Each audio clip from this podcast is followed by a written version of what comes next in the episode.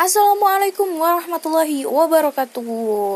Halo semuanya, akhirnya setelah beberapa hari, hampir satu minggu full nih Beneran gak update sama sekali di sosial media Akhirnya kembali lagi aktif, Alhamdulillah. Ya, kodar Allah kemarin Allah beri nikmat penggugur dosa buat aku nih Biar dosanya gak berkurang. Jadi kegiatan inti itu banyak yang off. Hampir izin bukan hampir sih udah izin dari tempat kerja sampai tiga hari kalau kuliah tetap masuk tapi diantar. Ya pokoknya banyak deadline deadline yang akhirnya mundur tapi nggak apa-apa. Dengan adanya keadaan yang kemarin itu juga buat aku tetap bersyukur kok jadi punya waktu lebih banyak buat istirahat gitu. Kalau dipikir-pikir emang bener ya nikmat atau waktu yang sering dilupakan manusia itu ada dua. Yang pertama nikmat sehat yang kedua waktu luang sering kali kadang manusia tuh lupa kalau pas lagi sehat tuh suka zolim sama diri sendiri ya nggak sih? Makan makanan gak sehat kerja di forsir gak inget waktu tidur larut malam.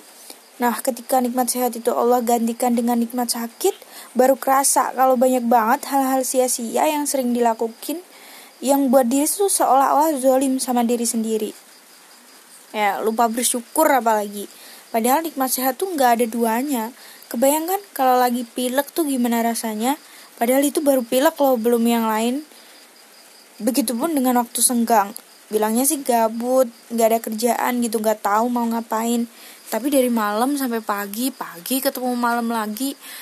Isinya cuma scrolling media sosial, nontonin berita-berita, gosip. Duh, kebayang berapa banyak waktu yang kebuang sia-sia. Ya nyeselnya Biasanya kalau udah tak udah tua nanti baru flashback gitu.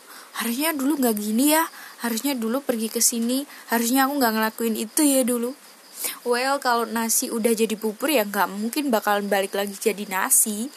Yang udah terjadi ya kalau itu baik ya tinggal menikmati. Tapi kalau itu buruk akhirnya menyesali ya begitulah manusia dengan segala arogan dan ambisinya jadi aku mau ngajak teman-teman nih yang lagi dengerin ini yang masih sehat yuk jaga kesehatan makan makanan yang sehat dan pola hidup yang sehat karena nikmat sehat itu nggak bisa diukur dengan jumlah nominal angka dan selagi masih muda, selagi masih banyak waktu senggang gunain buat hal-hal yang bermanfaat, belajar, cari ilmu, dakwah, dan bermanfaat buat, buat orang lain. Semua emang diawali dari membangun habits yang baik. Maka dari itu bentuk kebiasaan baik itu menjadi kebutuhan dalam hidup. Dan yang terakhir jangan lupa bersyukur guys. Semoga bermanfaat. Wassalamualaikum warahmatullahi wabarakatuh.